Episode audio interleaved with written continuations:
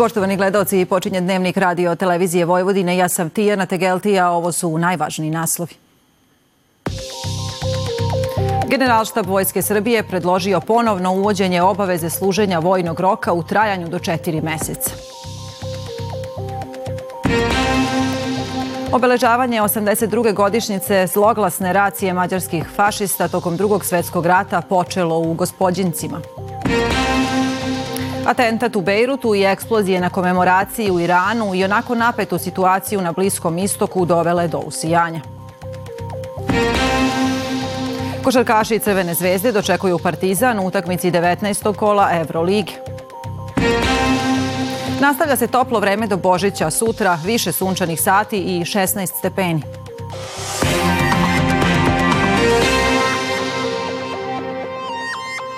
Vlada Srbije na inicijativu predsednika Vučića usvojila zaključak kojim preporučuje poslodavcima da zaposlenima omoguće da ne rade na drugi dan Božića, 8. januar. Istim zaključkom preporučuje se poslodavcima da zaposlenima koji tog dana rade obezbede prava koja im pripadaju za rad na praznik koji je neradan. Generalštab Vojske Srbije predložio je predsedniku i vrhovnom komandantu Aleksandru Vučiću ponovno uvođenje obaveze služenja vojnog roka u trajanju do četiri meseca. Kako je navedeno, cilj je da se podigne odbrambena sposobnost armije, a inicijativa je pokrenuta nakon detaljnog razmatranja bezbednostne situacije i izazova sa kojima se suočava Srbija kao vojno neutralna zemlja. Ministar odbrane Miloš Vučević podsjetio je da to nije samo potreba koja je karakteristična za Srbiju, već da mnoge evropske države aktiviraju aktiviraju obavezni vojni rok.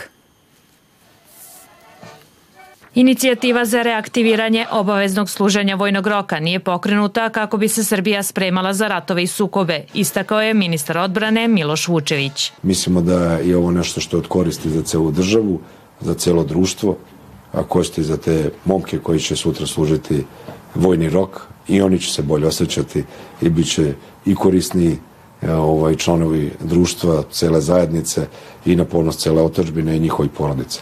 Vučević je obrazložio da je predloženo da služenje vojnog roka traje do četiri meseca, a ukoliko inicijativa bude prihvaćena, bit će potrebno i vreme da se resorno ministarstvo spremi za njenu primenu. Savremeno oružanje vojna oprema, e, drugačiji ili moderni načini obuke dozvoljavaju da se u kraćem vremenskom intervalu regruti obuče i da budu sposobni za obavljanje vojničke dužnosti potrebno je određeno vreme, da se infrastruktura pokrene, da kasarne budu pripremljene, da regrutni centri opet rade u, u, u, u tom nivou. Ono što je najvažnije, mi smo pokrenuli inicijativu. Kako je istakao, izuzetno je važno razmišljati i raditi na bezbednosti zemlje, jer jača vojska je garant mira Srbije, poručio je Vučević i istakao da je mir potreban da bi se Srbija razvijala. Predsednik Aleksandar Vučić u telefonskom razgovoru sa premijerom Grčke Kirijakosom Mitsotakisom zahvalio je na tome što njegova zemlja poštuje teritorijalni integritet i suverenitet Srbije kao i na doprinosu stabilnosti u regionu. Saglasili su se da postoje svi uslovi da saradnja dveju zemalja nastavi da jača u svim oblastima, posebno u sektoru energetike. Mitsotakis je ponovio podršku Grčke evropskom putu Srbije. Postignut je dogovor da se dvojica zvaničnika uskoro sastanu u Beogradu, kada se očekuje i dolazak predstavnika grčkih kompanija. Mitotakis je izrazio veliko interesovanje za učešće Grčke na Expo u 2027, saglašivši se da sa predsednikom Vučićem da je specijalizovana svetska izložba velika prilika, ne samo za Srbiju, nego i za ceo region. A britanski ministar spoljnih poslova David Cameron, koji boravi u Prištini, poručio je da će Velika Britanija pomoći takozvanom Kosovu da ga priznaju zemlje koje to do sada nisu učinile, kao i da bude priznato u međunarodnim institucijama. Ministar spoljnih poslova Ivica Dačić ocenio je da izjava Cameruna krajnje licemerna i zaslužuje najoštriju osudu. Dok nijednom rečju nije spomenuo da Albin Kurti već 11 godina odbija da sprovede briselski sporazum koji je između ostalih potpisala i za njega garantovala u ime ime Evropske unije, Britanka Catherine Ashton, nije spomenuo ni teror, ni nasilno proterivanje više od 200.000 Srba, kao i uništenje srpskih hrišćanskih crkava i manastira iz srednjeg veka. Kamerun obećava takozvanom Kosovu pomoć oko novih priznanja i prijema u međunarodne institucije, rekao je Dačić za Tanjuk. Patrijarh Srpski Porfirije posetio je srpski narod u Orahovcu i Velikoj Hoči na Kosovu i Metohiji i obišao radove na obnovi crkve Uspenja Presvete Bogorodice. Patrijarha su dočekali episkop Raško-Prizrenski Teodosije i nekoliko stotina Srba. Mladim parovima sa decom Patrijarh je uručio zahvalnice i poklone i poručio da boreći se za svoje dobro, za međusobno razumevanje, za mir među nama, istovremeno se borimo molitvom i duhovnim sredstvima za mir, za razumevanje i za zajednicu i sa onima koji žive pored nas, bez obzira na to kom narodu pripadaju. Patrijarh boravi na Kosovo i Metohiji kako bi zajedno sa svojim narodom proslavio Božić. U Pećkoj patrijaršiji služit će Božićnu arhijerejsku liturgiju. Svakog januara u drugom mestu u pokrajini obeležava se tužna godišnjica masakra koje su počinile mađarske okupatorske vlasti tokom drugog svetskog rata. 82. godišnjica zloglasne racije ove godine obeležena je u Gospodjincima. Gospodinci Žabalj, Čurug, Šajkaš, Lok, Mošorin, Vilovo, Gardinovci, Titel, mesta su u Šajkaškoj oblasti u kojoj su od 4. do kraja januara 1942. mađarske okupacijone vlasti sprovele masovan pokolj srpskog, jevreskog i drugog stanovništva. Među prvima su stradali sveštenici, učitelji, lekari, zanatlije, trgovci i viđeniji srpski jevrijski domaćini. Ubijane su čitave porodice, žene, deca, starci, a njihova tela bacana pod zaleđenu Tisu i Dunav. Parastos nevinim žrtvama u hramu prenosa moštiju svetog prvomučenika i arhiđakona Stefana služio vladika Irine i episkop Mohački Damaskin u sasluženje sveštenstva Srpske pravoslavne crkve. Vladika Irine i poručio je da molitveni pomen ne može biti osvetoljubivost i pozvao na mir. Na nama je da se molimo, da se nadamo, da gradimo mir, pomirenje i da pokušamo da koliko do nas meni apostolare, imamo mir sa svima. Bližnjima i daljnjima, onima koji nas vole i onima koji nas mrze, onima koji nam dobro čine i onima koji nas vole.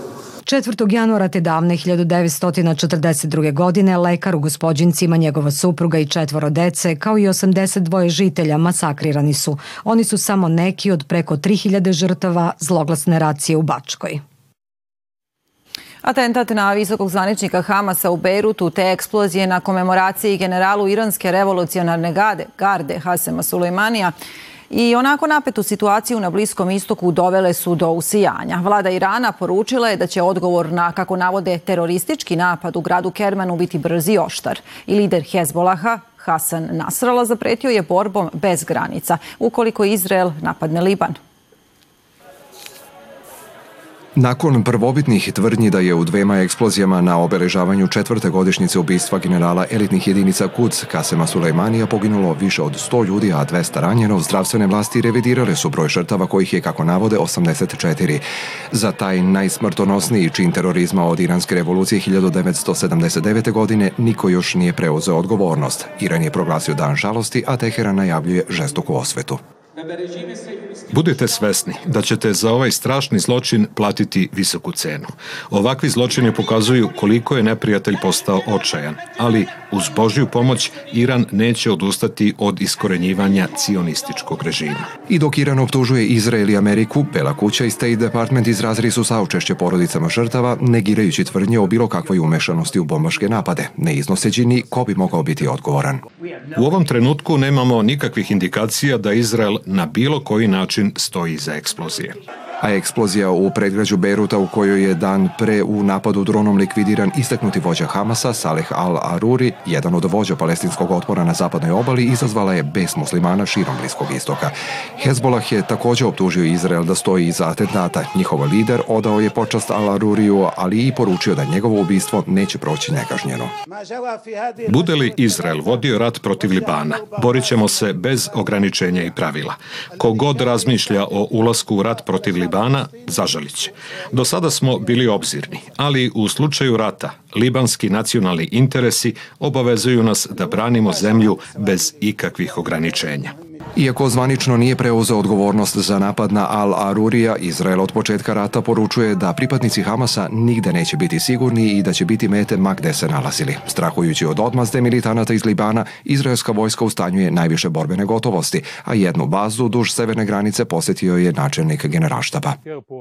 Često obilazim naše trupe. Spremnost jedinica je u svim sektorima na maksimumu. Fokusirani smo na borbu protiv Hamasa a 89. dana rata nisu zaustavljene ni kopnene operacije u svim delovima Gaze. Najteže je na jugu u Kan Yunisu. U dosadašnjim napadima na tu enklavu ubijeno je više od 22.000 palestinaca. Izrael će iduće nedelje odgovarati na optužbe o genocidu pred Međunarodnim sudom nakon što je Južnoafrička republika pokrenula proces pred tim sudom Ujedinjenih nacija. Danska kraljica Margareta provezla se glavnim gradom Kopenhagenom u pozlaćenoj kočiji, završavajući tako novogodišnje proslave pre svoje najavljene abdikacije. Hiljade ljudi okupilo se duž rute kojom je prolazila uprko veoma hladnom vremenu. Danska kraljica, stara 83 godine, abdiciraće 14. januara posle 52 godine na tronu, a zamenit će najstariji sin Frederik. Elektroprivreda Srbije ponovo je produžila rok za plaćanje novembarskog računa za struju i to do 29. januara, do kada će građani moći da ostvare popust od 5%. Ističu da će tokom sledeće nedelje početi da radi i portal u vidu račun koji je blokiran zbog hakerskog napada. U EPS-u nastoje da potpuno osposobe i ojačaju sistem i zaštite ga od mogućih novih napada. Pšenica je najznačajniji ratarski usev kojim je zasejana četvrtina obradivih površina u svetu, dok je hleb najdominantnija namirnica u ljudskoj ishrani. Zbog toga se žitomlinski sektor smatra najvažnijom karikom u lancu prehrambene sigurnosti jedne zemlje. Kakvu je godinu ispratila ta prerađevačka branša, Proverili smo na primjeru jednog od najvećih otkupljivača pšenice u Srbiji, Senićanskom žitoprometu. 2023. bila je godina prosečnih prinosa pšenice, koja je u najdelikatnijim vegetativnim fazama zbog velike količine padavina bila izložena pretnjama biljnih bolesti, ali i godina teških tržišnih uslova i niske cene te žitarice koja se odrazila i na cenu brašna. Ipak, uprkos brojnim izazovima, za najvećeg otkupljivača domaće pšenice ona nosi pozitivan predznak.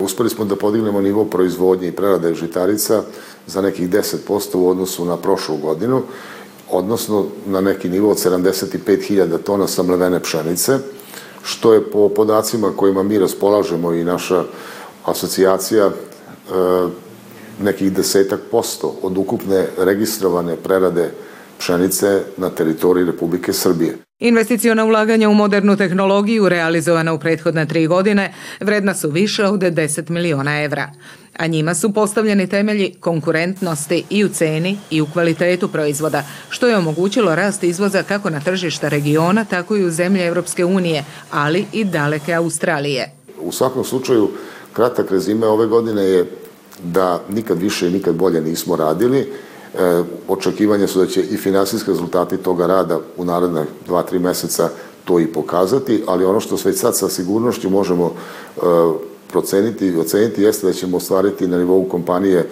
ukupan prihod na nivou oko 30 miliona eura, od čega će nekih 11 do 12 miliona eura činiti devizni priliv, odnosno e, izvoz e, na druga tržišta. Za postignute poslovne rezultate prvom čoveku Senčanskog žitoprometa Predragu Đuroviću nedavno je uručena nagrada za poslovnog lidera godine koju dodeljuje Privredna komora Srbije. U 76. godini preminuo je Drago Dragić, ilustrator na RTV-u. Od osnivanja radiotelevizije Novi Sad radio je u informativnom programu na srpskom jeziku na poziciji ilustratora. Bio je angažovan i na poslovima tehničkog saradnika na katedri za vajanje Akademije umetnosti u Novom Sadu. Drago Dragić sahranjen je na groblju u Novim Ledincima.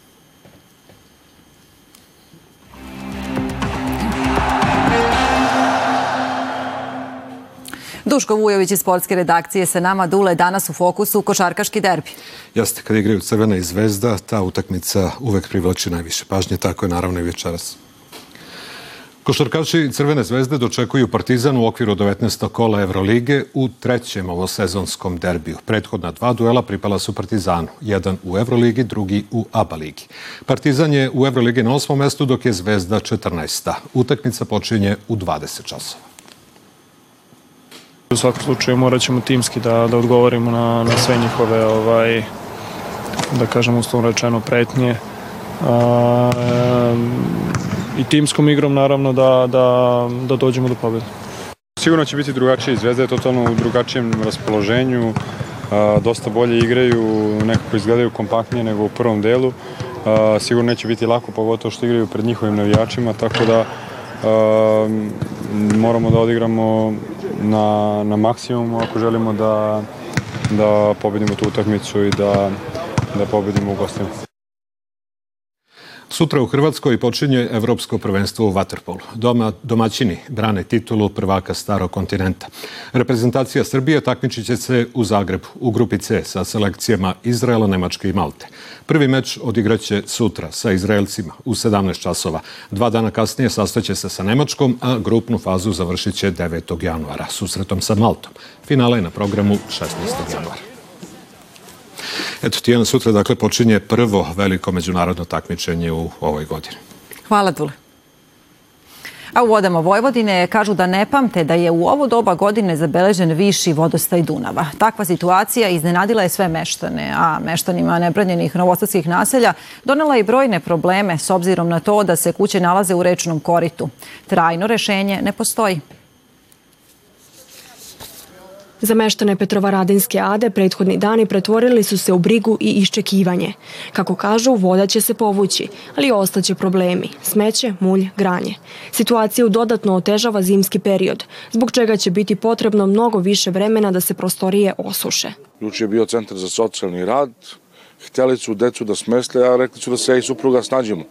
Međutim, mi nismo htjeli to da dozvolimo, pa smo se snašli tu, u neki stan smo otišli, Rekli su da će da nam pomognu nešto, sad ćemo videti šta i kako, ali voda je katastrofa, nam je pola metra u kući, sve stvari su uništene. 24 sata gledamo u vodu, da li ćemo i ostale poplaviti sve to. Jedino rešenje koje trenutno po nama stanovnicima ovde stoji je da se napravi neka brana, da nas zatvore, da nam ta voda ne ide i da ne plavi.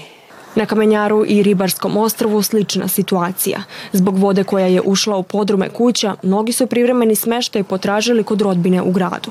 Bezbednost je ugrožena i brojnim životinjama. Ovo je korito reke, je tako? I mi to znamo. Tamo na, prema špicu je 550, ovo je ovde 600. Voda uđe i izađe.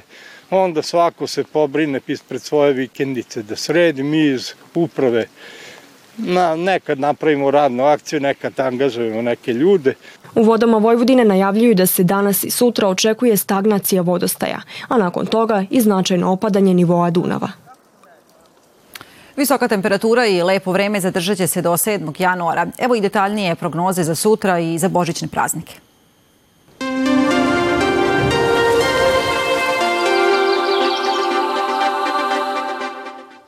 Bićemo pod uticajem toplijeg vazduha do 7. januara. U petak tokom dana suvo u sunčane periode. Popodneno oblačenje sa jugozapada, ali neće biti uslova za padavine. Duvaće slaba do umerena košava. Jutena temperatura minus 2 stepena, a dnevna od 10. do 16. podeljka.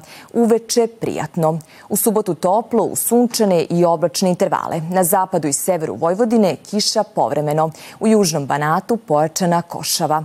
Ponegde i do 17 17 stepeni. 7. januara pad temperature. U noći između nedelje i ponedeljka stiže zaklađenje sa snegom. Toliko u dnevniku. Hvala vam na pažnji.